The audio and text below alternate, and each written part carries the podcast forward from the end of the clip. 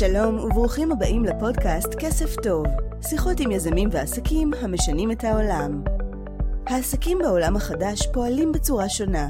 הם מגדירים מחדש את כללי המשחק. הם מונעים מתוך תשוקה, להט וייעוד גבוה. על כל אלו ועוד תוכלו לשמוע כאן בפודקאסט כסף טוב, שבו ערן שטרן מראיין את האנשים שמפתחים עסקים שעושים טוב בעולם.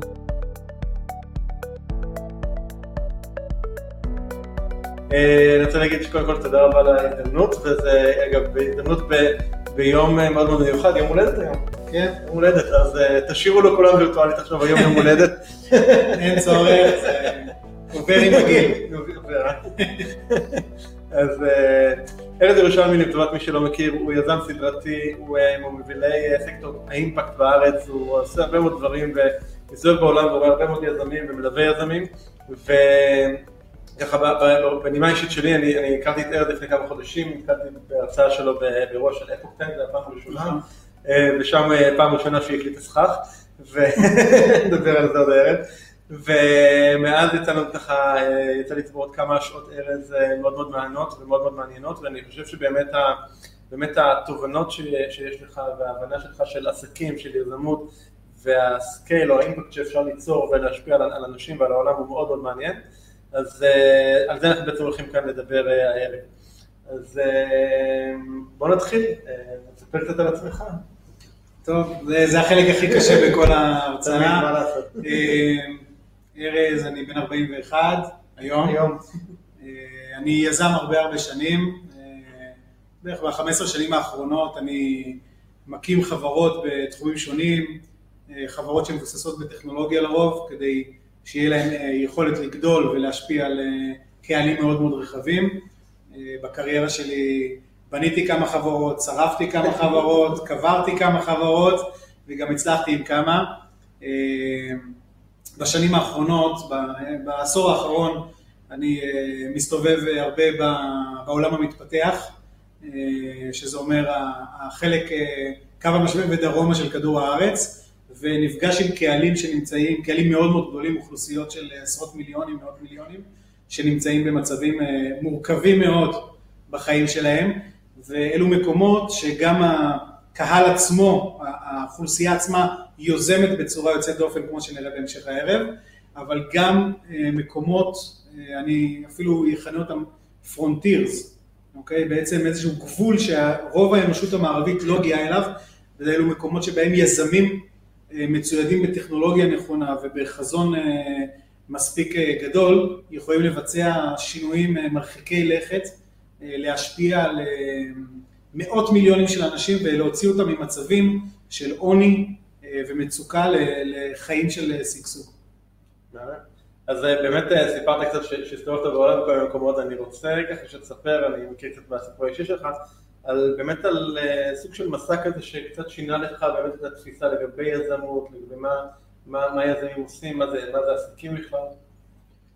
אוקיי, okay, יזמות זה מילה ענקית, כי בסוף אה, גם אה, בחור שפותח מכולת בעיר ספר, וגם בחור או בחורה שבונים חברת הייטק ומנסים לכבוש איתה יבשת שלמה, בסופו של דבר התהליך של היזמות הוא אותו תהליך, אותם אבני מדרכת. בסוף מה שנדרש מהיזם להביא מתוך עצמו אה, והאתגרים שהוא פוגש והסלעים שהוא מתנגש בהם הם אותם אתגרים גם במכולת וגם בחברת ההייטק, גם אה, אצל הגרפיקאי שמנסה לבנות את העסק שלו וגם אצל המתכנת שמנסה עכשיו לבנות אה, פלטפורמה חובקת עולם. בסופו של דבר היזמות היא מסע אנושי, היא לא אה, מקצוע פרסה שבו יש חוקים או יכולות אה, טכניות, אלו יכולות אנושיות שמאפשרות לאדם בודד לרתום אחריו מאות או אלפי אנשים בתוך הארגון שלו, לעטוף מוצר או שירות ובעצם להשפיע על אלפי, עשרות אלפי או מיליוני בני אדם. ובתוך המסע הזה נדרשים יותר מהכל יכולות אנושיות.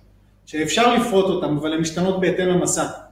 והיכולות האלו הן אה, כן בקנה אה, מידה קטן של מכולת וכן בקנה מידה גדול של אה, חברת הייטק ענקית, והן התעוזה של היזם, בעצם היכולת שלו לאזור אומץ ולהוציא את עצמו החוצה, היכולת שלו לרתום אנשים ולהניע אותם לעבר איזה וקטור מסוים, נדבר עוד מעט מה זה הוקטור הזה, כי החץ הזה הוא בעצם הכלי נשק או האמצעי שבעזרתו היזם מבצע את כל הפעולה שלו, אה, ושלל יכולות שהן רק יכולות אנושיות. אה, ומאוד מעניין לראות איך אפריקאי שמנסה לצלות אה, שישה קלחי תירס על חבית בוערת ויזם הייטק ישראלי מניעים את אותם תהליכים ומשתמשים באותן יכולות אנושיות כדי לעשות את השינוי. אז בוא נדבר על אותו אחד שאצל שישה קלחי תירס, בסדר? זאת אומרת, אחד הדברים המעניינים שאני חושב שדיברת עליהם בהרצאה הראשונה ששמעתי אותך, זה היה באמת על, על אה, אתה קורא להם אה, מיקרו יזמים? כן. או מיקרו עסקים? המייקרו ביזנסס, או המיקרו יזמים, הם בעצם, אפשר אפילו לומר ננו יזמים. הם עסקים מאוד מאוד קטנים, שמושתתים על בן אדם אחד, סביבו יש תא משפחתי שבעצם מתקיים מהעסק הזה, והננו יזמים הם בעצם צורת היזמות וצורת העסקים הכי, הכי גדולה בעולם. יש עשרות ומאות אלפי חברות בינוניות ומעלה. בסופו של דבר רוב העולם, וגם בישראל אפשר למצוא קהל אה, מאוד מאוד גדול, מתקיים על, העסק, על העסקים הקטנים האלו, שבן אדם אחד נועז, קם יום אחד ואומר, אני את המוצר הזה הולך להוציא החוצה, או אני את השירות הזה הולך להביא לעולם, ועכשיו הוא מתחיל את המסע שלו. הננו יזמים הם, אה, לא משנה אם הם ברזילאים, אפריקאים, ישראלים או אמריקאים, הם, אה, יש להם מחנה משותף מאוד מאוד אה, רחב. אחד, העסק בנוי על בן אדם אחד, אצלי אותה משפחתי שתומך בו. הדבר השני, יש בו מוצר אחד או שירות אחד עיקרי, ודרכו בעצם היזם מנסה להביא לשגשוג בקרב המשפחה שלו. והדבר השלישי זה שעל פי רוב היזם הזעיר הוא מודר מהתשתית שקיימת לחברות הגדולות. משמע, הבנקים אה, לא אוהבים לעבוד איתו כי הוא מסוכן, חברות האשראי לא אוהבות לעבוד איתו, הממשלה מקשה עליו, המיסים מקשים עליו, הלקוחות לא יודעים איך להגיע אליו. אלו אה, תופעות שמתארות עסק זעיר, לא משנה איפה. אה, ואפשר לראות את הכאבים האלו מופיעים בכל מקום בעולם. וזה אה, הרמת דגל ליזמים אחרים לבוא ולתת שם פתרונות. אז בוא נדבר קצת על הפתרונות האלה וגם ככה בהזדמנות תשתף מה אתה עושה היום ומה בעצם החברה שלך עושה היום ואיפה אנחנו נמצאים פה כרגע. בוא ננסה רגע להעלות אה, איזושהי תמונה אה, מאוד מעניינת שפגשה אותי בביקור הראשון שלי באפריקה. בסביבות 2013 הגעתי לדרום אפריקה, אחרי זה לקניה, ולמעשה אה, התפיסת חיים שלי התחילה ממש אה, להיסדק ולהתרסק, כי המראות שראיתי שם והדרך שאנשים יצרו שם עסקים והגיעו לכלכלה והדרך שהם השפיעו על הסביבה שלהם הייתה מאוד מאוד שונה ממה שנהוג בעולם המערבי. ולמעשה אה, מה, שאתם, מה שרואים עכשיו על, ה, על המסך הוא בעצם אחד המקומות שבהם הבנתי שהמשקפיים שאנחנו לובשים הם משקפיים שנכונים החלק הקטן המערבי של העולם, ובעצם הבקתה האדומה הזאת שנמצאת באמצע שום מקום, בתוך שדה באמת של, של אה, חיטה הרוסה, אה, מה שאנחנו רואים פה זה בנק. זה בנק. זה בנק, והבנק הזה, הוא, הוא עובד בו אישה אחת 24 שעות, והוא מאפשר ל... זה הבית שלה. זה הבית שלה, זה העסק שלה, מוכרים שם כל דבר אחר שאפשר לשגשג ממנו, אבל אל הבנק הזה באים אנשים עם המכשיר הסלולרי שלהם, יש להם מכשיר מאוד מאוד פשוטים, ובעצם אה, האנשים מגישים כסף מזומן לאותה בנקאית, והיא טוענת את הטלפון שלהם עם כסף. ומאז, מאותו רגע, החיים שלהם מתנהלים דרך הטלפון שלהם. הם יכולים לקנות איתו תרנגולות, וזה מה שהם עושים, והם קונים איתם ביצים, והם בעצם משתמשים בזה כמו, כמו שכר חליפי. אה, ומה שמדהים זה שהם משתמשים בטכנולוגיה, שאפשר לומר על הטכנולוגיה עילית, שלא הגיע אפילו למקומות אה, רבים בעולם כמו ישראל, והם משתמשים בה כדי לחיות את החיים הפשוטים שלהם. מה שמדהים זה לראות שהיבשת הזאת, מה שאנחנו קוראים לה היבשת השחורה, היא בעצם קפצה כמעט 100-200 אה, שנות אה, אבולוציה. פשוט משכר של ביצים תמורת אבנים, הם קפצו מעבר לבנקים, קפצו מעבר לחברות האשראי, והגיעו למסחר בעזרת טלפונים. וזה הניע את כל הכלכלה למצב שכמעט כל היבשת סוחרת דרך הטלפון. זה מדהים, זה לא משהו שאנחנו בכלל מדברים על התקופות שנוכל לשלם דרך הטלפון, אבל בפועל דווקא שם, דווקא שם. דווקא שם זה קורה. וספר קצת אולי בהקשר הזה, אז מה, מה אתה עושה, והחברה שלך עושה?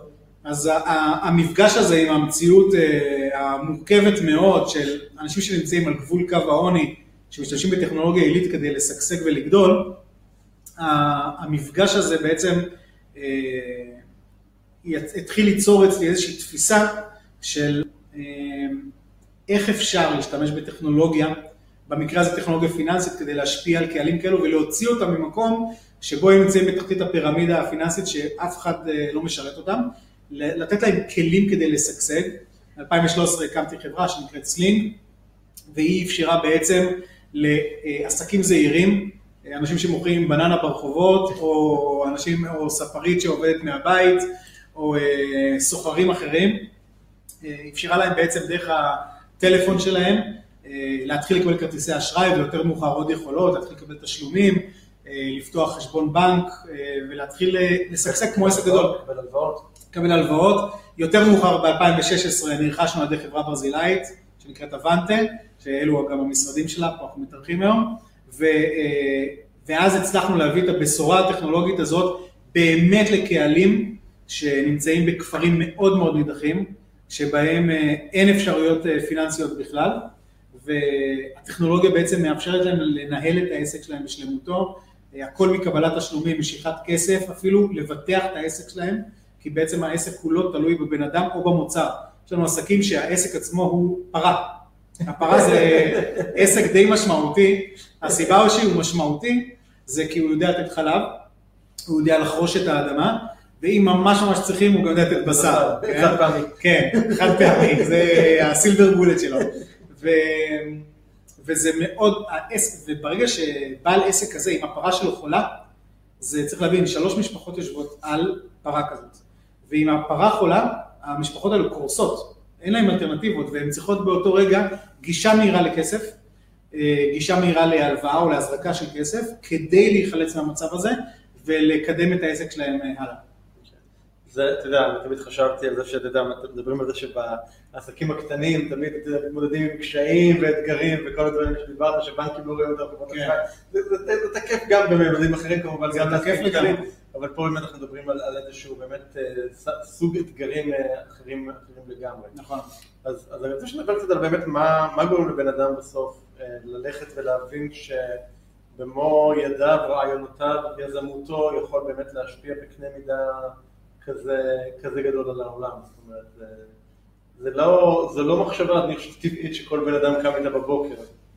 זה בהחלט לא מחשבה טבעית, וכל עוד אנחנו חיים בתוך העולם שלנו, ובתוך המציאות שלנו, שהיא מציאות מרובת שפע, גם אם אנחנו חושבים שלא, יש בה שפע אינסופי, והכאבים ש, של העולם המערבי, של, שלנו בישראל, הם כאבים מאוד מאוד מינוריים. אה, בשבילנו אה, להמתין בתור נגיד 20 דקות בבנק זה כאב גדול, אבל כשעסק קטן נמצא בברזיל הוא עומד 6 שעות. כן. אה, אז, אז כש, כדי לפגוש את המקום הזה, היזם חייב לצאת מתוך המקום שלו. הוא חייב, יש לו יכולת לדבר עם אנשים בחו"ל ולהבין קצת מהכיף שלהם, יש לו יכולת לטייל שם, אבל האמת היא שהיכולת המשמעותית נפתחת כשאתה חי שם.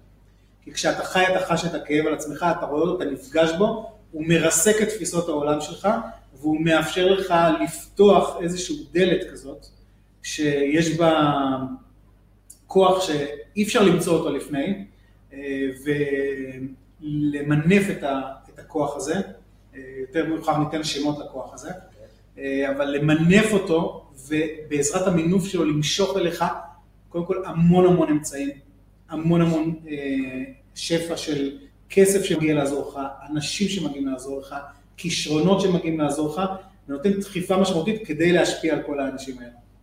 אוקיי. אז, אה, אז מה, מה באמת, כאילו, אתה, אתה אמרת שבעצם כשאתה מגלה את הדברים האלה, אז באמת פתאום נוצר איזשהו שפע. מה, מה מניע אנשים? מה מניע, אה, מה מניע אנשים לעזור, לתת כסף לדברים האלה? למה, למה כאילו, למה שמישהו אה, יחליט עכשיו להשקיע, נגיד, כמו בחברה כמו שאתה הקמת בזמנו, ב-2013, להתחיל לשים כסף על איזשהו רעיון של איזשהו ארז ש... שהסתובב קצת ב... אתה יודע, כן. בדרום אמריקה, ראה כל מיני מראות, לא, וחזר יודע- איזה ג'וק בראש. זה לא כזה פשוט, אני כשניסיתי לגייס כסף בארץ בעטו אותי בערך לפני המשרדים של משקיעים, זה לא כזה נוצץ, אה, זה מאוד מורכב כי בסוף את הקהילות של היזמים והמשקיעים שהם אחודים זה בזה כי הם בונים ביחד את ה-endeavors, את, ה- את המפעלים הענקיים האלו שמשפיעים על אנשים, בסוף מניעים אה, לא יותר משלושה מרכיבים, אוקיי? אז המרכיב הראשון הוא פרוספריטי, או שגשוג, הם רוצים לעשות כסף. והמניע השני הוא פשן, שהוא תשוקה, הם רוצים להתעסק במשהו ש... שמעניין אותם. והמניע השלישי הוא purpose, או ייעוד, או שליחות. ורוב האנשים שעוסקים במקצועות העסקיים מונעים דווקא על ידי תשוקה ושגשוג. אבל הנושא של ייעוד גבוה, או תכלית נשגבת, שהמטרה שלה היא להשפיע על מיליוני בני אדם אחרים ולייצר שינוי בחיים שלהם, היא עדיין גורם חמקמק מאוד, וקשה לרתום סביבו את האנשים בתוך הזירה העסקית. אם נסתכל על הדורות הצעירים שנכנסו עכשיו למעגל העבודה, דווקא אצלהם purpose, אה, מאוד תכלית. מאוד מאוד חזק, וזה המעגל הראשון שהם מחפשים לייצר ולשנות. אתה יודע, אתה תזכיר מה שאתה אומר מאוד מתחבר, אני קראתי, אה, לפני כמה, שלוש או ארבע שנים, קראתי איזשהו מחקר מאוד מעניין שדיבר על אה, מה שנקרא בני דור ה-Y. כן, ו... ודיברו עליהם ככוח צרכני מאוד מאוד גדול שהולך להחליף את אה, מה שנקרא דור ה baby boomers של הורינו וכאלה, שהיו כוח צרכני מאוד גדול. ואחד הדברים המעניינים שאמרו עליהם שם באותו מחקר, זה שהדבר שהכי מניע אותם או מזיז אותם, מה שנקרא, משפיע על נאמנות המותג שלהם, זה, זה ייעוד. זאת נכון. אומרת, הם יחליפו מותג, הם יחליפו חברה, הם יחליפו מוצר לחברה אחרת או למוצר אחר, אם הם ירגישו שיש למוצר הזה איזשהו, איזשהו ייעוד גבוה, איזושהי תכלית גבוהה יותר. נכון. זה מאוד מאוד טוען. זה הזדמנות טובה, אנחנו משתמשים בגלל השפה שלנו, השפה העברית, אנחנו משתמשים במילים שלפעמים יש להן קונוטציות או רוחניות, או לפעמים אפילו דתיות, ורגע צריך לדבר רגע על המילה הזאת. ייעוד היא מילה, אה, בשיחה שלנו היא מילה עסקית, אוקיי?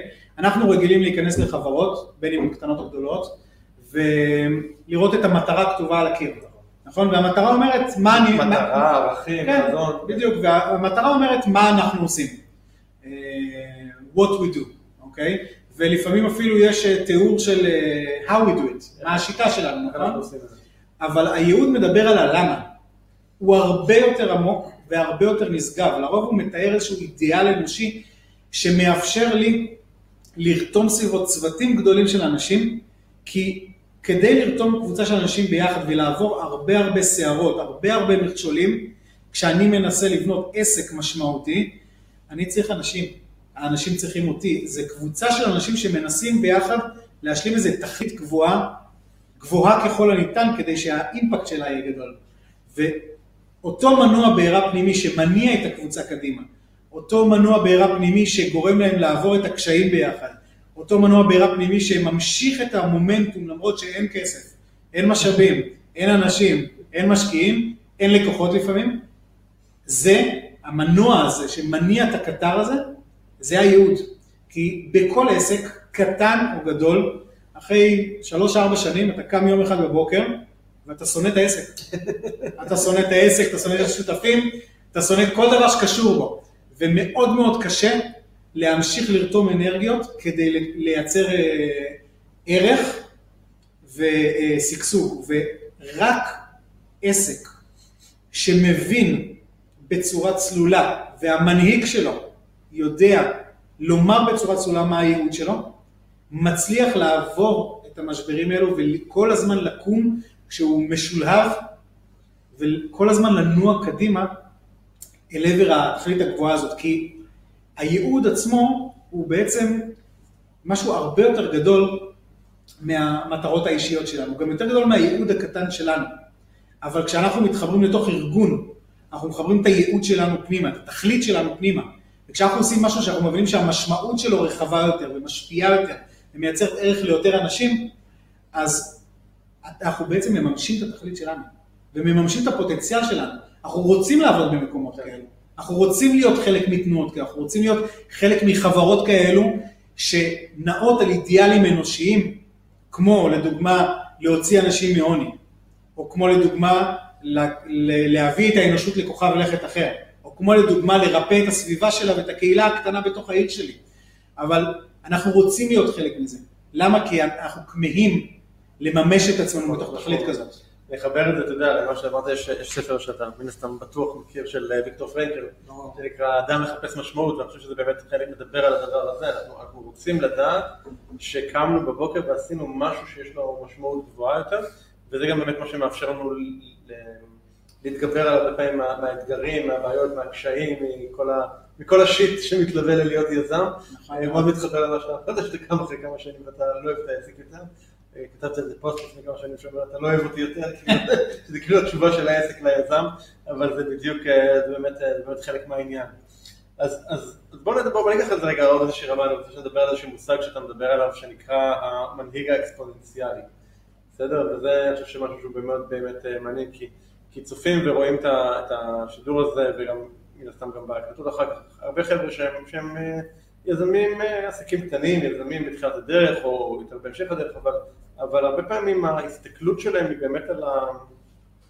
בהרבה מקרים על העולם הקרוב אליהם, זאת אומרת על אוקיי, איך זה משפיע עליי כמובן, אני צריך להתפרנס מהעסק וכולי, משפיע על קהל הלקוחות הקרוב אליי, ופה אתה מדבר בעצם על השפעה שהיא ברמת אימפקט הרבה הרבה הרבה הרבה יותר משמעותית, ואמרתי קודם שהיו כמה נקודות שלי, את הסכך זה היה באמת במחשבה הזאת של להגיד אוקיי, איך אתה לוקח את מה שאתה עושה היום אבל עכשיו מכפיל אותו לא, לא בעשר, כמיליון, בסדר? זאת אומרת, אה, אה, זה עלה אחת השיחות שלנו, שאמרת לי, עשית לי את ההכפלה הזאת רגע, וזה לוקח את המחשבות שלך למקומות אחרים לגמרי, באמת, לראות איך אתה מביא את הדבר שאתה, שאתה, טוב בו, שאתה אוהב אותו, שאתה מיוחד בו, ועכשיו מעיף אותו ברמה הרבה יותר משמעותית לעולם. תראה, כדי לגשת לדיון הזה, אנחנו נצטרך לייצר איזו שפה משותפת כדי ש, שנוכל להגיע בכלל למקום של המנהיג. Okay. אוקיי. הדבר הראשון שכולנו כיזמים זהירים צריכים להבין זה שהמשאב הכי משמעותי שלנו כאנשים יוצרים שיכולים להשפיע על אחרים הוא לא הכסף, אנחנו כולנו היינו למטה ולמעלה, בסדר? הכסף בא והולך, הוא מושפע מהרבה דברים, חלקם מקרו בכלכלה וחלקם מיקרו באיך שאני עושה את העסק. אה, התשוקה הולכת אה, ובאה, אבל בסוף נשאר רק משאב אחד, שהוא המשאב היחיד שבאמת קיים בתוך הוואקום הזה של יזמות, והוא זמן. אז אם אני מנטרל את הכסף, מנטרל רגע את העליות והמורדות, מנטרל רגע את התשוקה, אני מבין בצורה מאוד מאוד קרה, שבזמן שניתן לי פה,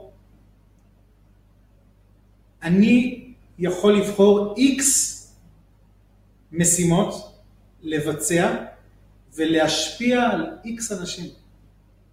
זאת אומרת, יש לי כך וכך שנים, או כך וכך רגעים שבהם אני באמת יכול לייצר משהו משמעותי ולתת לחיים שלי משמעות גדולה יותר מאותם כוחות שנעים כמו כסף, תשוקה וכיוצא בזה. הזמן הוא, הוא, מצ, הוא מצרך מאוד מאוד נדיר.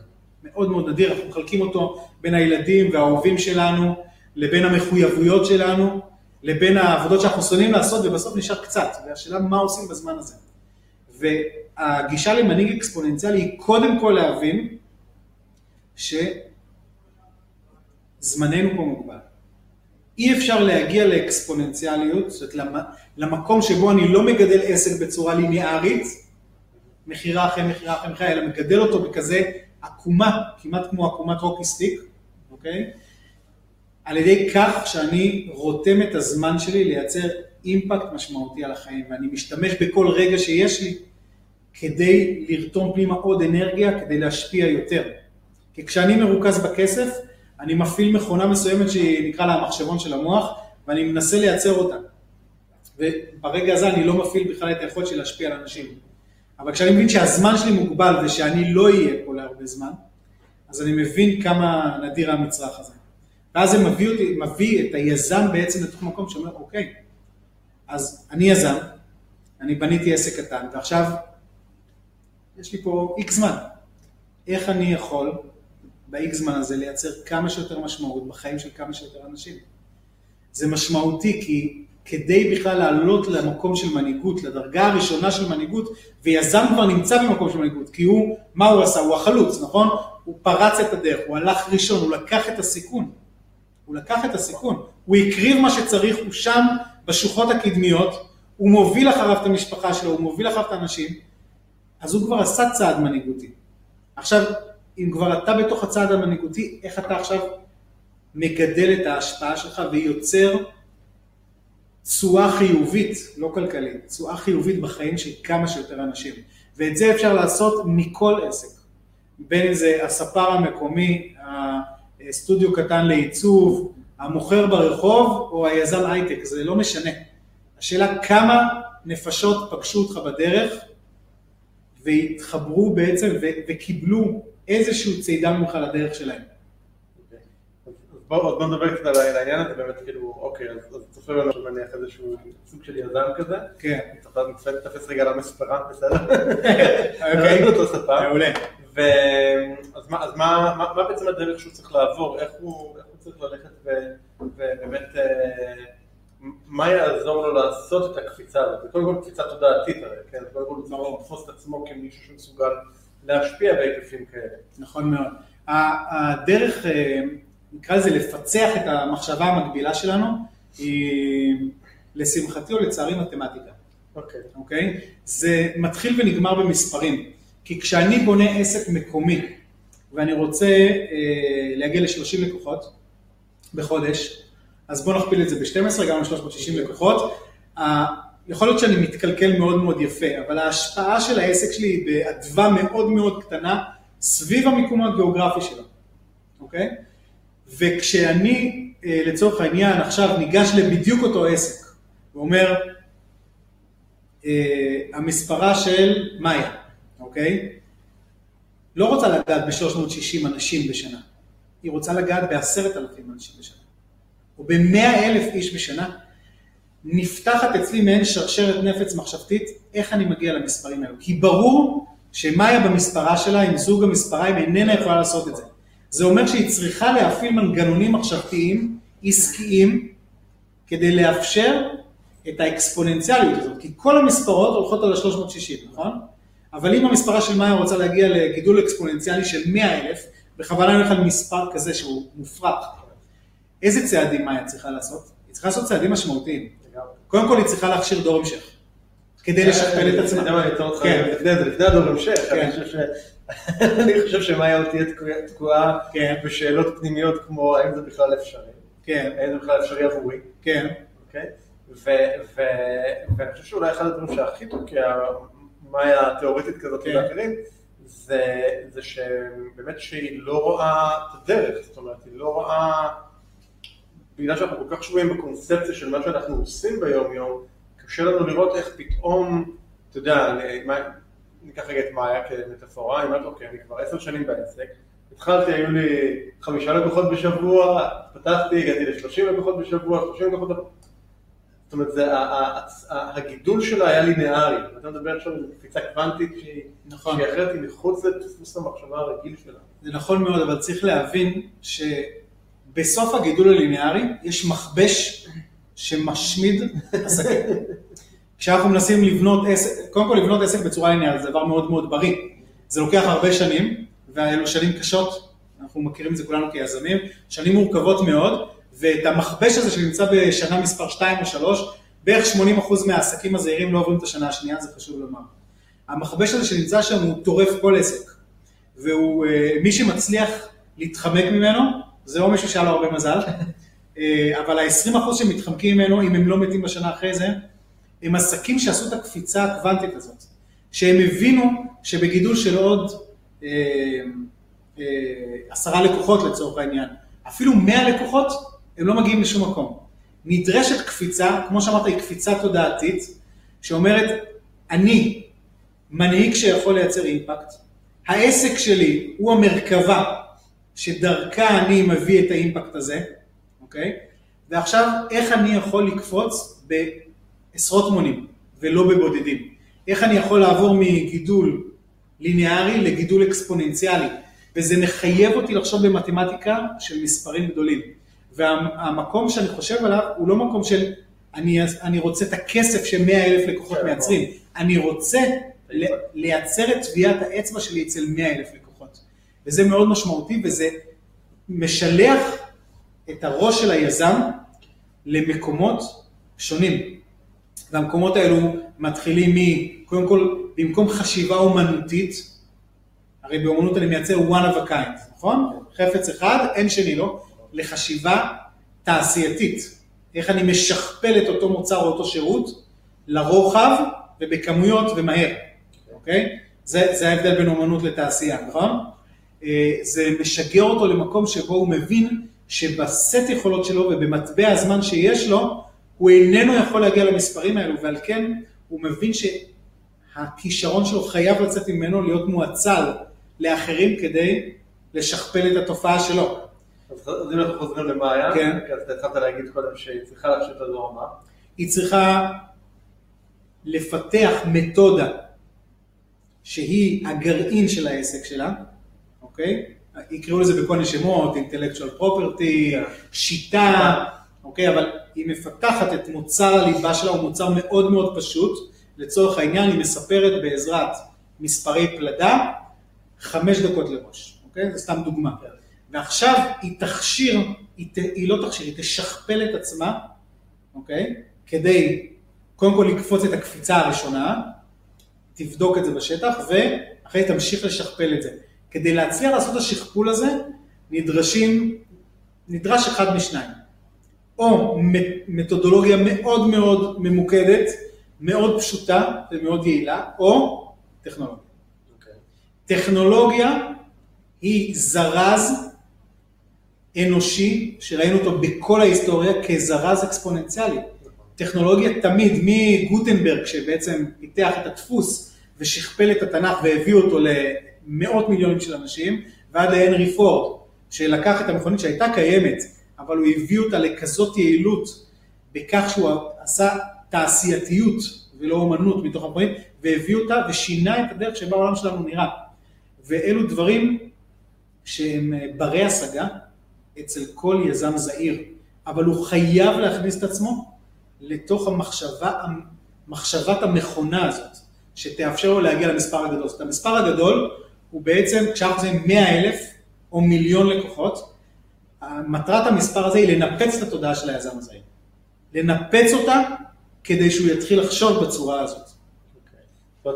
אז, בעצם מה שאתה אומר זה שאותה מאיה הספרית, אולי יש לנו פה ספרית גם בקשר לקשיבה, אה, אם כן אז הרווחת, אז זה בעצם, זה, לקחת, ואתה בטח אני בטוח שיש פה כל מיני כאלה שאתה עכשיו קוממת אותם קצת, כי אתה אומר, רגע, אבל אני, מה שזה מיוחד, אני את הספל הספציפי הזה, אין שני לו. אתה בא בעצם אומר, כאילו, אוקיי, יש פה שתי גישות בעצם לעניין הזה, כאילו, אתה יכול להגיד אין שני לא, אבל אתה נשאר באיזשהו סכמה די מצומצמת של הדברים. לא, זה מאוד חשוב לומר. אני בטוח שאין שני לו, כן. ואני בטוח שהוא מיוחד, אבל הוא יכול להשפיע על בן אדם אחד, מי שקונה אותו, כן. אוקיי? או על העשרה שקונים אותו. והאקספוננציאליות היא לא מגיעה מכמות המכירות, היא מגיעה מכמות האימפרשנים, ההשפעות שאתה מייצר על האנשים סביבך, והם לוקחים את זה הלאה. זה חלק מזה. צריך להיפרד מתוך טביעת האצבע הזאת ולהבין שיש אנשים שיקחו חתיכה קטנה מהשיעור שאתה משאיר להם ויקחו את זה הלאה. ו- וזו בעצם המהות של מנהיגות. המנהיג לא שולט בכל הפעולות שמתבצעות תחת כנפיו, אלא בעצם מטרתו לשרת את האנשים שעובדים עמו ולתת להם כלים לקחת את זה הלאה. תפיסה אחרת של מנהיגות, מנהיגות אקספוננציאלית לא יכולה להיות ריכוזית, כן. כי הריכוזיות יוצרת קטנות. היא לא יכולה להיות ריכוזית, היא כנראה אולי לא היררכית כמו שאנחנו רגילים, לא. אה, רגילים לראות אותה. אוקיי. העיקר של המנהיג האקספוננציאלי, זה חשוב לומר, זו תפיסה של המנהיג כמשרת, אוקיי? המנהיג כמשרת אחרים, המנהיג שמאציל לאחרים את היכולת לבנות דברים גדולים ולקחת את זה הלאה, מתוך הבנה שהוא לבד לא יכול לייצר כזאת טביעת אצבע גדולה. שזה, שזה לגמרי כבר אה, עולם חדש במובן של, אה, אה, של מנהיג שפה לשרת אחרים, במיוחד שאנחנו רואים הרבה מנהיגים סביבנו שהם באים פה לשרת את עצמם. תקופה מורכבת. כן, תקופה כזאת, אבל אז זה מעניין, אוקיי, ומה מה, מה, מה בעצם, איך, איך הוא מתקדם מכאן, מה, מה השלב הבא? כן, אני אגיד רגע איך אני עושה את זה. יש הרבה הרבה שיטות, השיטה הזאת היא לא ליניארית כמובן. אבל כשאני מתקרב למיזם חדש, אה, לפני שאני בכלל מדבר על מה עושים וחושב על המוצר, רובנו אנשים חושבים על מוצרים או על פתרונות, נכון? עומדים במקלחת, וואו, אני אעשה שירות להזמנת פיצה כדי שהיא לא תתקרב. ואז יש לנו בעצם איזה פטיש עשרה קילו ביד, אנחנו עושים מסמר, לדפוק אותו, אבל אין בעיה. רוב המוצרים שאנחנו ממציאים בראש שלנו הם לא פותרים בעיות. אז הדרך שלי לגשת לתוך מיזם היא א', למפות את עומק הבעיה ואת הכאב שלה ולראות שיש פה כאב משמעותי. כי כשאני אומר לכם, אני נכשלתי פשוט המון המון המון פעמים, צרפתי המון כסף של אחרים והמון כסף שלי, והדרך אה, להצליח בעסקים אה, ובמיזמים היא לפתור כאבים גדולים מאוד וכואבים מאוד. אה, ולכן זו הדרך שבה אני נכנס למיזם. וכל יזם צריך להיכנס מתוך הדרך של הבעיה. וגם במיזמים קטנים כמו המספרה של מאיה, יש בעיות שצריך לפתור אותן, שהן נפוצות אצל כולם, כי כולם פשוט משכפלים את אותו דבר. אז אני תוקף את הבעיה, אני ממפה אותה מספרית, אני מבין את גודל הכאב ומה צריך לפתור, ורק אז אני ניגש לפתרון ואני מתאים אותו בדיוק לכאב. ומן הסתם ככל שהבעיה או היקף הכאב גדול יותר, אז גם יכולת ההשפעה שלי אם אני, לזה פתרון, הוא כמובן יהיה רחב יותר. אבל עצם זה שאני בא לפתור בעיה שכואבת לאנשים, אני מבטיח לעצמי, בתור יזם עסקי, לא יזם רוחני, אני מבטיח לעצמי לקוחות משלמים. כי לקוחות שאני בא להעצים אותם ולגדל אותם ולתת להם כלים להגיע או לשגשוג או לכל שפע אחר, מוכנים לשלם כי, אתה, כי הם בעצם משלמים תמורת פתרון הכאב. ו, וזה מאוד מאוד משמעותי, רואים את זה בכל עסק שפותר בעיה, העסק הזה עולה מהר מאוד למעלה, כי הוא פותר בעיה אמיתית והוא בעצם פותח נתיב עסקי ושלל מודלים עסקיים שאפשר להשיק. אוקיי. אה, היה איזשהו מודל עכשיו להראות בהקשר הזה. בואו ננסה לדפדף אליו, זה יגרום לנו לעבור קצת הרבה שקפים, אבל אתם אה, תהיו סבלניים. אה, למעשה, זה, אה, זה מודל האתרי. אתרי זה אה, מילה נרדפת לכאב מאוד מאוד עמוק, שמשפיע בקנה מידה גדול, בסדר? אנחנו לא מדברים על כאבים קלים, כמו לדוגמה להמתין בתור לבנק, או שירות לקוחות שלא עובד טוב, אנחנו מדברים על כאבים עמוקים שמשפיעים על אוכלוסייה גדולה. והמודל הזה בעצם מראה תפיסה מאוד מאוד ויזואלית פשוטה למה הופך כאב לכאב עמוק. לאתרי, לכאב שמשפיע על מיליוני אנשים, אה, או על מאות אלפי אנשים. אז אנחנו רואים, יש פה שלוש שכבות בעצם, אוקיי? השכבה הפנימית האדומה אומרת מהו הכאב ואיך הוא משפיע על האנשים בכל יום נתון.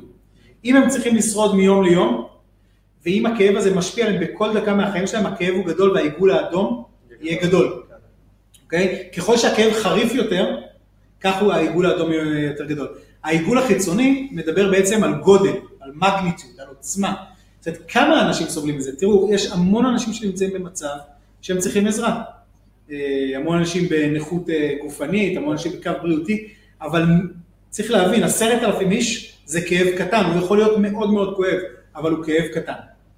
לעומת זאת, כאב של מאה אלף איש במדינת ישראל, או כאב של מיליון איש במדינה יותר גדולה, זה כאב משמעותי. וכשהכחול והאדום מתחברים, אנחנו יכולים להבין כבר את עומק הבעיה. עכשיו נשאר צבע אחד, וזה הצבע הצהוב. והוא האלטרנטיבות שקיימות בשוק, אוקיי? ישנם הרבה כאבים שיש להם אלטרנטיבות, לפעמים זה אלטרנטיבות שחברות אחרות נותנות, לפעמים הממשלות נותנות, ולפעמים האנשים מוצאים את, את הפתרונות. לדוגמה, בברזיל יש המון מקומות שאין בהם אה, רשת אינטרנט. ואנשים אה, בונים שם כל מיני אנטנות ארעיות, עומדים ליד משרדים, והם משיגים כבר את הסיגנל שהם צריכים. הם מוצאים, יש להם אלטרנטיבות, אבל יש דברים שאין להם אלטרנטיבות. לדוגמה, כשעסק זעיר צריך עכשיו הזרקה מיידית של 50 אלף שקלים, במקרה הטוב הוא ילך לשוק האפור, ובמקרה הרע הוא יפנה למישהו שעומד עם מצ'טה במרכז הכפר. ויהיה על זה 40 אחוז עמלה, והוא יצטרך להחזיר את זה תוך שבוע. אז ככל שיש פחות אלטרנטיבות, שהעיגול הצהוב דק יותר, ככה אנחנו כיזמים יכולים לבוא ולהגשים את עצמנו ולייצר השפעה משמעותית מאוד על אנשים שחיים תחת כאב. זה מודל האתרים. אוקיי. אני מזכיר, מזכיר חברים שאם יש לכם שאלות, אה, תגובות של אותך, אם יש לכם שאלות אה, אה, כאן לארז ולנו, אז אתם מוזמנים, מוזמנים לשלוח לנו תוך כדי, תוך כדי השידור. אנחנו נשמח לענות, אוקיי? אז, אז, אז דיברנו, דיברנו על האימפקט, דיברנו על שינוי תפיסתי ש, שנדרש. תראה, אני אשתמש בבמה הזאת, יש לנו פה בערך 40 איש, נכון? משהו כזה, ועוד הרבה שיקבלו את ההקלטה אחרת. אני אשתמש בבמה הזאת כדי אה, לקרוא לדגל את אה, אחיי היזמים.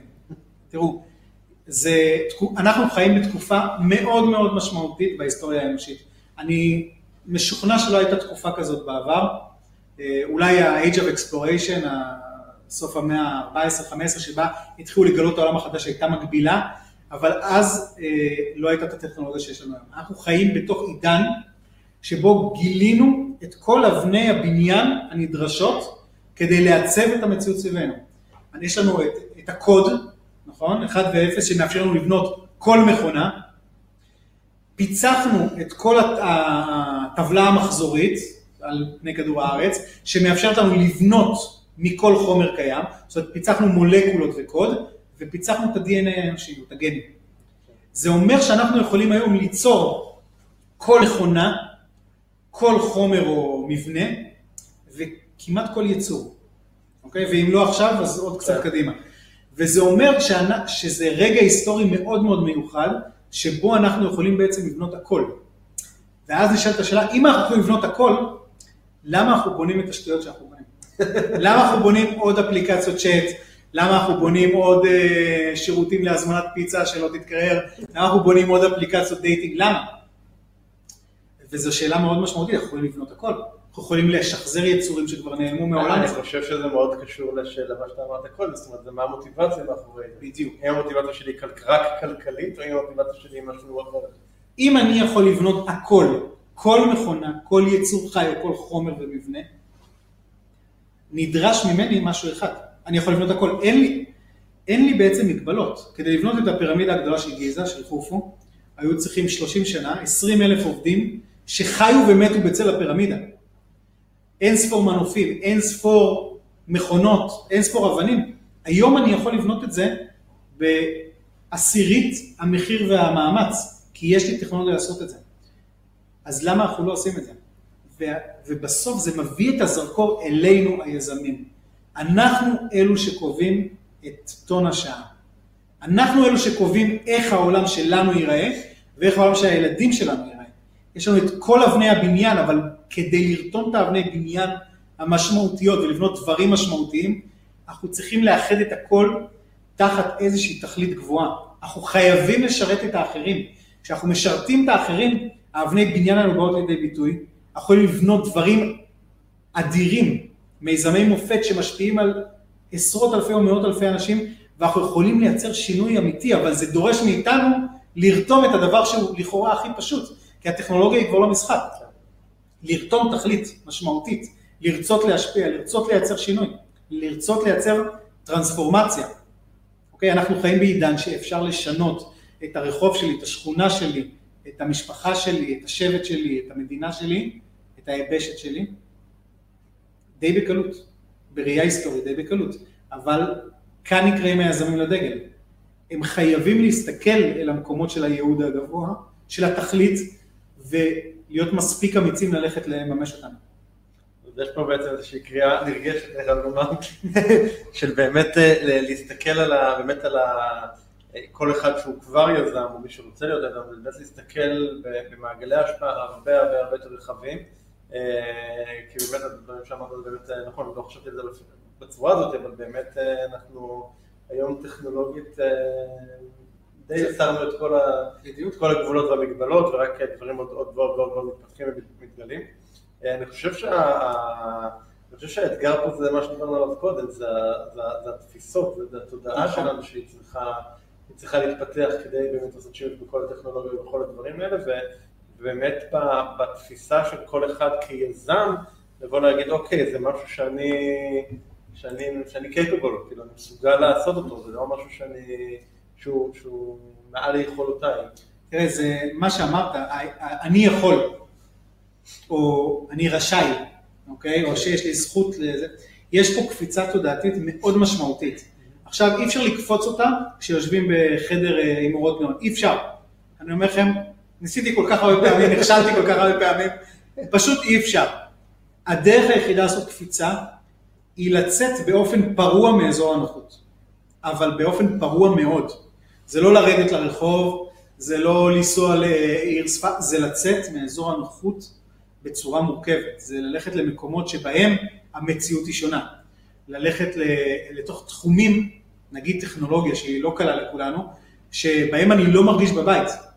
והחיכוך הזה עם המציאות והמשבר שהוא מביא יוצרים איזשהו זינוק מנטלי שנדרש כדי להגיע למקום של המנהיג האקספוננציאלי. היכולת שלך להבין, יש לי את הכלים או את הכישרון, אה, להשפיע על אלפי אנשים, זה, זה שלב בסולם שצריך להגיע אליו, וחייבים לאמן את השריר הזה, שנקרא דמיון המוח, כדי להגיע אליו. זה ככה, עולה לי שאלה תוך כדי שתדבר, שאלה שלא התכוננו עליה. כן, יש אחת כזאת, כן. והשאלה היא, השאלה היא, אז, מה, מה עם מקורות ההשראה שלך? מאיפה אתה שואל את ההשראה שלך? אה, וואו, באמת לא התכוננו עליה. התחלתי איתך, אמרתי לך. תראו, כל אחד שואל השראה ממקומות אחרים, יש אחד ממשפחתו. אני יכול להגיד שאצלי ההשראה מגיעה משני מקורות עיקריים.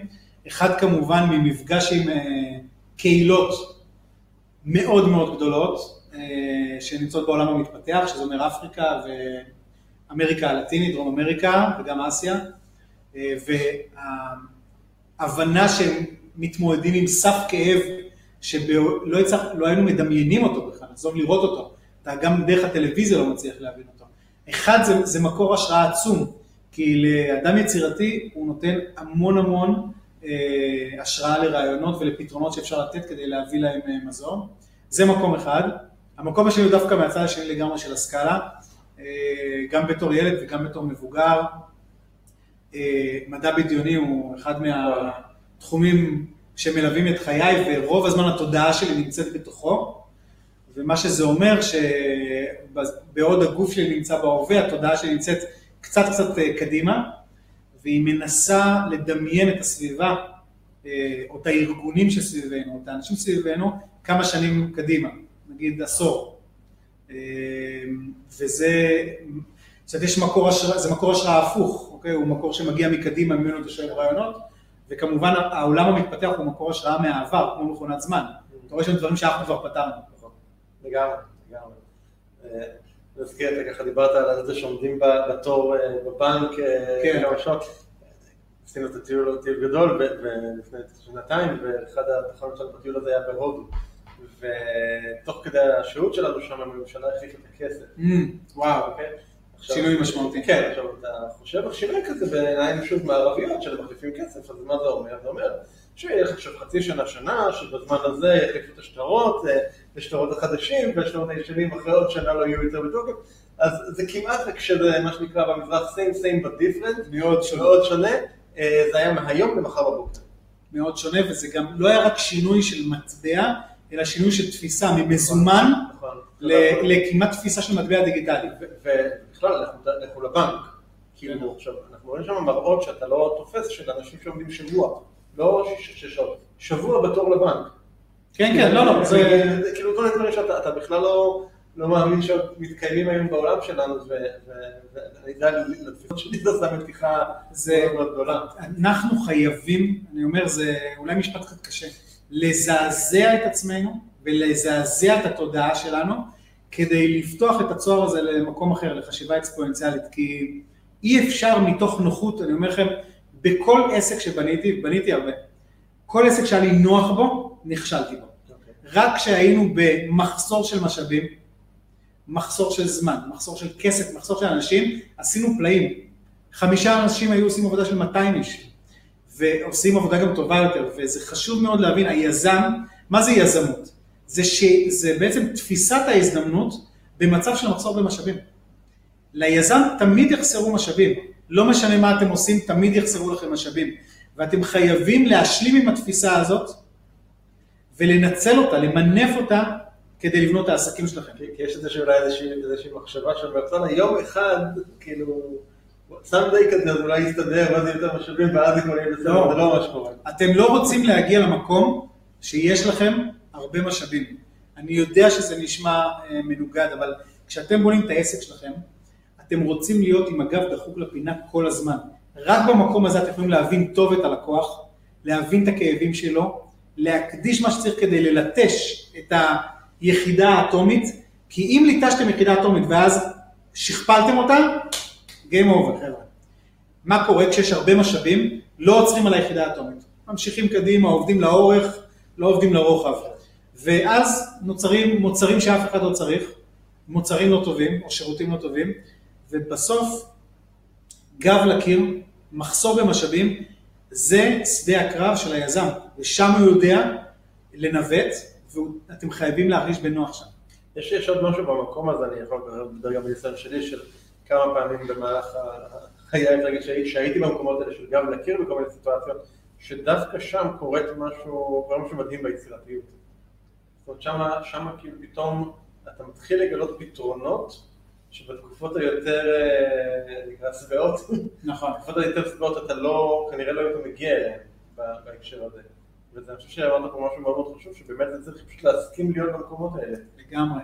תרגישו נוח, שם אתם הכי חדים, אה, אתם שם גם הכי קשובים ללקוחות ולעובדים שעובדים איתכם, ושם אתם באמת, זה, זה פותח את הצוהר הזה שמאפשר את החשיבה האקספוננציאלית שדיברנו עליה. אתה קטן, אתה מתעסק באמת בעיקר, ושם יש מקום רגע לחשוב איך אני מייצר יחידה אטומית, משכפל אותה ומגיע להרבה הרבה אנשים. אחר כך לא יהיה לכם את הזמן הזה. אז הזמן הזה אה, הולך לעובדים אחרים, לבנייה של תרבות ארגונית, לגידול הארגון, לפנייה למקומות אחרים, זה הזמן הכי טוב של היזם. מעולה. אז אני רוצה ככה גם לתת קצת הזדמנות לאנשים ככה לשאול שאלות, יש לנו כבר שאלה פה מאבנר, אני אנסה רגע לתפוס אותו כל כך טוב.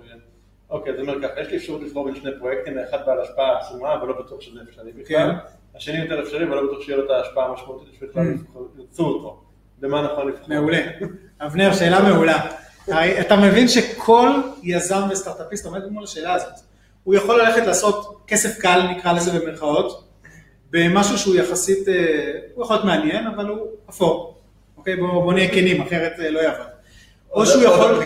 כן, או, או לעשות משהו שהוא, זה קל לו, וזה בתוך אזור הנוחות שלו, או שהוא יכול ללכת לקצה הצוק ולקפוץ. למקום שאין לו מושג מה קורה בתחתית, כנראה ששם יתדות, כן? לא מצפה לך רשת, יש שם התרסקות כואבת, אבל בקפיצה יש בעצם את הבעת התעוזה של היזם, את, ה, את הפיוניריות שלו, את החלוציות שלו. כי אנשים, נתן יונתן אמר, בקצה הדרך יש תהום לאמיצים. התהום הזה הוא לאמיצים בלבד, ואף, ואנשים לא ניגשים אליו. כי אחרת הוא לא היה תהום לאמיצים, כולם פשוט היו קופצים כי יודעים שיש למטה רשת. נדרש ממך, אם אתה רוצה לייצר שינוי משמעותי ולהגשים את מירב היכולות שלך, לקפוץ מהתה- לתהום הזאת. אתה תבנה את הכנפיים בטח בדרך למטה, אוקיי? אה, מצפה שם קרקע מאוד מאוד קשה למטה, אבל שם, במקום שקשה לך ללכת אליו, שם אתה צריך להיות. שם אתה נקרא להיות, כי שם אתה, זה יעביר אותך תהליך של זיקוק של יכולות וכישרונות ומאמץ, שגם אם תצא קרח מבחינה פיננסית, אתה תעשה תהליך שנקרא transcendence, התעלות. בעצם תעבור לשלב הבא שלך, וזה לא מונח רוחני, זה מונח מנטלי. אתה תלמד כל כך הרבה בדרך, אתה תחווה כל כך הרבה בדרך, תפגוש כל כך הרבה דברים שלא הכרת, שאתה תתעלה לשלב הבא, וגם שם יש תהום, והיא שונה והיא מסוכנת יותר, אבל יש מין טיפוס כזה. מה שיוצרים בתחילת הדרך, אה, במיזמים הראשונים, הוא לא מה שאתה יוצר אחרי שישה מיזמים. כי ה... מה השתנה? כלום לא השתנה. אתה אותו בן אדם. אבל התודעה שלך, התודעה שלך השתנה. התודעה שלך השתנתה, הרצון שלך להשפיע והרצון שלך לבנות משהו משמעותי בחיים שלך. אז הנה שאלת המשך על הדבר הזה, כן. שאלה משהו במקום של מירי, שהיא אומרת, אז איך יודעים מתי להגיד די? זה לא קורה וצריך לסיים. שאלה מעולה. אה, יזמים בהווייתם לא יודעים להגיד די, נכון? כאילו, אני יכול להגיד... תשמע, מחנכים אותנו, כל סיפורי גבוהה שאנחנו גדלים עליהם, זה שאתה לא מתייאש, ואתה, אתה יודע, אין כישלון, אתה רק... כאילו- תראו, אני באמת, אני, אין לי תשובה לזה, אבל אני אספר לכם אה, עובדה אחרת, בסדר? אין לי תשובה. ואתם תצטרכו לזהות את הרגע הזה. אה, בוודאות הרגע הזה אה, קיים כשאתם לא יודעים איזה תכלית אתם משרתים. אם אתם לא יודעים מה הייעוד של מה שאתם עושים, אתם רק יודעים מה עושים, לכו הביתה חבר'ה. אין מה להמשיך את זה. אם אתם יודעים למה אתם עושים ומה התכלית הגבוהה שלכם כרגע משרתת, ואחר כך של 100 איש שיבואו לעבוד איתכם, תמשיכו, לא משנה מה. אם אתם מבינים בצורה צלולה את התכלית. זה איזשהו כלל אצבע, ואני יכול להגיד לכם שכמעט כל סיפורי הגבורה שאתם שומעים בדה מרקר ובגלובס על עסקים שמכרו בכך וכך, זה אה, רגעים שקרו רגע לפני שהחברה קרסה, רגע לפני שהיזמים ויתרו. רגע לפני הם לקחו איזה הלוואה מסבתא, יחזיקו עוד חודשיים וזה יחזיק מהפינה. אני יכול להגיד לכם שאת העסק שלי, אה, אחד מהם, רכשו אותו, ואם לא היו רוכשים אותו, חודשיים אחרי זה היינו סוגרים את החברה, והולכים הביתה עם הלוואה בסך 2 אה, מיליון שקל על הגב שלנו. אבל מעבר לפינה ממתינה הזדמנות, ואתם חייבים לאתר את הפינה הזאת ולדחוף אליה זה. אני אומר לכם, כל סיפורי ההצלחה הם קרו עם איזושהי הזדמנות ש... בסוף היכולת של היזם to persist, לדחוף הלאה, לשרוד עוד, היא זאת שהביאה אותו לרגע הזה. זה, אין סיפורים שקרו אה, יפים ונוצצים. אין באמת הצלחה בן לילה. אין, אין כאלו דברים, זה לוקח הרבה זמן. כל עסק, לא משנה מה אתם בונים, ייקח בין חמש לעשר שנים. כל עסק, חבר'ה, לא משנה איזה עסק יש לכם.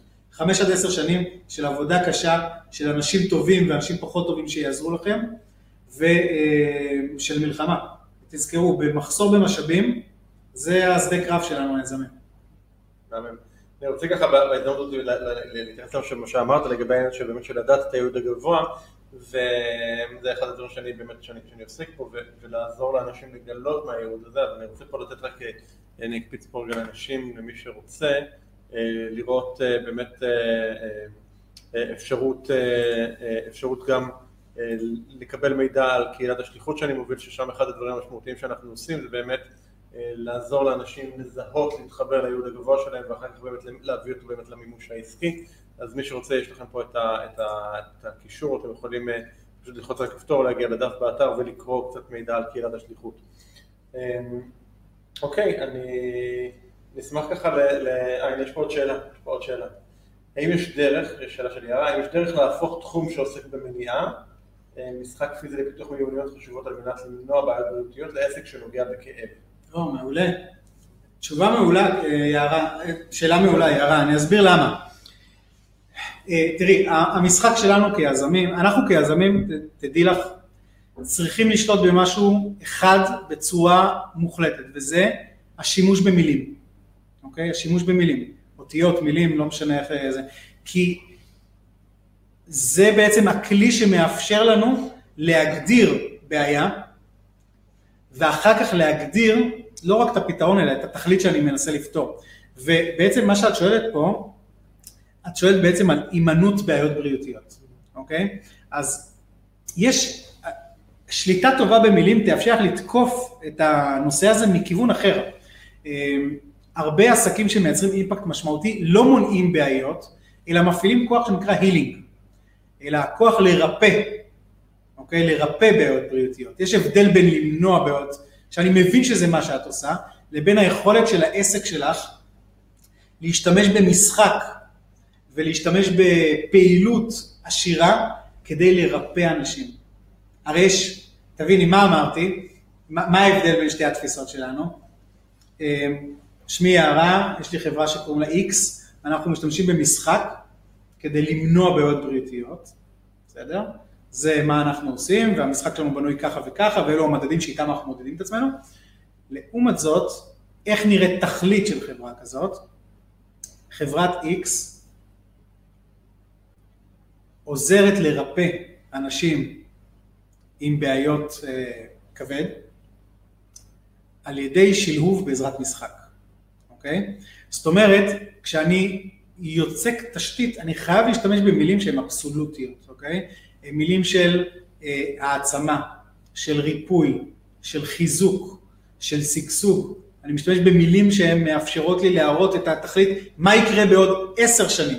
אל תחשבי על מה את עושה עכשיו, כי אם את תחשבי על מה שאת עושה עכשיו, את תדבקי למוצר שאת אה, מנסה להציג בשוק. תחשבי, שלחי את התודעה שלך רגע עשר שנים קדימה, תחשבי על שנת 2030, בסדר? אחרי שגידלת את העסק שלך, יש לך 100 אלף לקוחות, 100 עובדים, ואת פרוסה על שתי מדינות, איך, איך זה נראה? מה אז את מייצרת? כי ברור לך שהמשחק ב, ברגע הזה הוא חסר משמעות. ברגע הזה את כבר מגשימה תש, אה, תכלית הרבה יותר גבוהה. זאת אומרת, אם אני אעבור רגע לאנגלית, your company is about healing people suffering from pain, אוקיי? Okay? והיא לא preventing pain from ill people. אה, זה, זה נשמע מאוד מאוד קרוב, אבל, אבל זה משהו אחר לגמרי, ואיפה זה יפגוש אותך? כשאת תתחילי לצמוח, הן בכמות הלקוחות והן בכמות העובדים, האנשים האלו שמצטרפים אליהם, עובדים, ספקים, משקיעים, לקוחות, הם לא באים בגלל מה שאנחנו עושים, הם באים בגלל למה אנחנו עושים, הם באים בגלל איזושהי תכלית שהם מבינים מתוך המילים שלנו, והם מצטרפים לתנועה הזאת.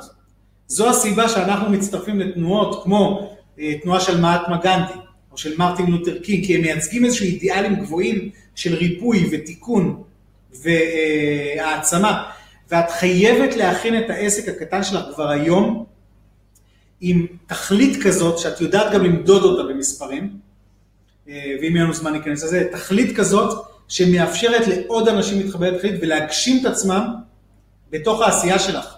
העסק לא יכול להתחיל ולהסתיים בך. הוא חייב לגדול.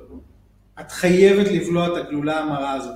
הוא חייב לגדול. הוא חייב לגדול כי לך יש איקס שעות בחודש. הוא חייב לגדול כי הכישרון שלך נעצר בגבולות מסוימים. הוא חייב עוד אנשים אם את רוצה להביא את הריפוי הזה לעוד, לקהל גדול. ואם הוא צריך לגדול, הוא צריך תשתית. וההתחלה של תשתית, כמו יסודות בטון של אה, בניין, זה הגדרת תכלית. תגדירי תכלית גבוהה. מעולה, מעולה. אז אה, ככה, אנחנו ככה לקראת סיום, מילים, מילים אחרונות ככה, אתה נתת פה המון טונות של הטונות של השראה. אני חושב שאנחנו נפרסם כמובן את ההקלטה של הרעיון הזה, אבל אה, אני, אני חושב שצריך פעם נוספת לצפות בו, כדי לקלוט את הכל. ככה... לסיום? וואו, קודם כל זה עבר לנו מאוד מאוד. מהר.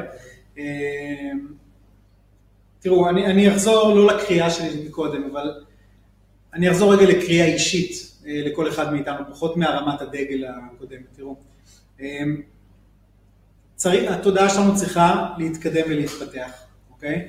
והדבר הראשון שאתם צריכים להבין זה שהקיום שלנו, הזמן שלנו פה הוא מוגבל. זה משהו שאתם אה, חייבים לשבת ולערער בו ולהבין אותו, במיוחד במדינת ישראל, שבאמת הקיום שלנו הוא על חוט השערה. אה, אתם חייבים להבין אותו, כי כשאתם תבינו את הזמן המוגבל שעומד לרשותנו, מעבר לכל ההתחייבויות האחרות, אתם תבינו שנשאר קצת מאוד זמן. קצת מאוד זמן. אנחנו לא נהיה פה לנצח, אנחנו גם לא נהיה פה עוד הרבה הרבה זמן. ואם אתם תבינו שהמשאב לא היקר ביותר, אלא היחיד שיש, הוא מטבע הזמן, אתם תבינו שבתוך היחידה הנתונה הזאת, אתם צריכים לעשות משהו משמעותי. כשהמטבע הזה ייגמר, כשמשאב הזמן ייגמר, מה שהייתם צריכים להביא לפה, יפוג. כשתבינו שהמטבע הזה מאוד מאוד מוגבל, הוא ייצר, אצלכם מעין תחושת, אה, מעין sense of urgency, תחושת דחיפות להגשים קודם כל את הרעיונות הכי נישאים שלכם, לא להגיד הם יבואו עוד כמה שנים, זה עכשיו, כי אין זמן. את הרעיונות הנישאים ביותר שלכם, זה יחייב אתכם להגדיר מה התכלית של העסקים שאתם בונים, כי אתם העסק, והתכלית של העסק הוא התכלית שלכם. וזה יחייב אתכם לבנות תשתית שתאפשר לעוד אנשים להגשים את עצמם בתוך העסק שאתם בונים. כי כדי להשפיע על המון אנשים אתם צריכו, תצטרכו לגדול בשאיפה אקספוננציאלית, ולא בשאיפה אז תגדלו גדילה ליניארית, וזה יצריך עוד אנשים ועוד כישרון. והדרך הכי טובה שלכם למשוך אליכם את האנשים האלו, הכי מוכשרים, אנשים הכי מוכשרים לא הולכים לעבוד במקומות ש... של משכורת. הם הולכים לעבוד במקומות שבהם הכישרון שלהם מייצר משמעות. ובגלל זה כשמטבע הזמן הוא מוגבל, כשאתם פה לזמן מוגבל ואתם מבינים שאתם צריכים לבנות משהו משמעותי, אתם תתחילו למשוך אליכם דברים משמעותיים. ואנשים משמעותיים והעסקים שלכם, א', ייצרו אה, תשואה כלכלית הרבה יותר משמעותית, הרבה הרבה יותר משמעותית, כי אתם תגשימו את כל מה שנועדתם אה, לעשות. והדבר שני, ימשכו וישפיעו על הרבה הרבה אנשים אחרים. והמשיכה הזאת, זה כמו כוח משיכה של כוכב לכת. המשיכה הזאת היא פועלת משני צדדים. היא בעצם פועלת מצד אחד ככל שאני מנסה לפתור בעיה יותר גדולה, אני מפעיל על עצמי מכבה של המציאות שמנסה להילחם בי, מנסה להתמודד מולי כדי שאני לא אעקם אותה, מפעילה עליי הכל, מזלזול של חברים, אנשים שלא תומכים, מחסור בכסף, מחסור במשאבים, מצד שני בזמן שהמכבש הזה יורד על פירמידת השליחות שלי, אני גם מושך אל עצמי המון המון אמצעים, המון אנשים, הרבה יחסי ציבור, הרבה כספים, כי אני משרת משהו גדול יותר, ואנשים רוצים להיות חלק מזה. ועל כן, זו הדרך שלכם לבנות באמת עסק, ארגון נקרא לזה, שמצליח בעזרת מינימום מאמץ ומינימום אנרגיה למשוך אליו הרבה הרבה הרבה יכולות. זה יושב בסוף בהגדרה מאוד מאוד ברורה של מה התכלית שבאתי לעשות. טוב, אני חושב שאחרי המילים האלה אנחנו, אין עוד הרבה מה להוסיף, אז אה, קודם כל המון המון תודה. תודה, תודה לכם. ושוב הרבה מאוד מזל טוב. תודה. ותודה לכל מי שצפה בנו, אנחנו גם כמובן נפרסם את ההקלטה בימים הקרובים, אז תודה רבה ותצטרפו אלינו ברעיונות הבאים. תודה, ערב טוב. לילה טוב.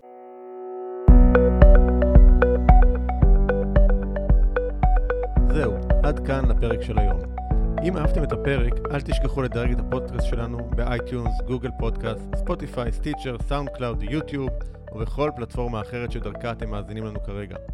תוכלו למצוא באתר הפודקאסט כסף טוב.biz את כל הקישורים הרלוונטיים לפרק הזה.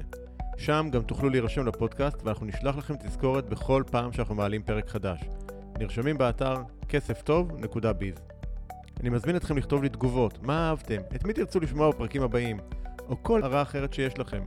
מוזמנים לשלוח לי ישירות למייל ערן את כסף טוב.ביז או בפייסבוק שלי facebook.com/ערן פנפייג' וחבר'ה, אל תהיו קמצנים, שתפו עם החברים שלכם. מה, לא מגיע להם גם ליהנות ולהפיק ערך? אני ערן שטרן, שמח שהאזנתם לנו ונשתמע בפרק הבא.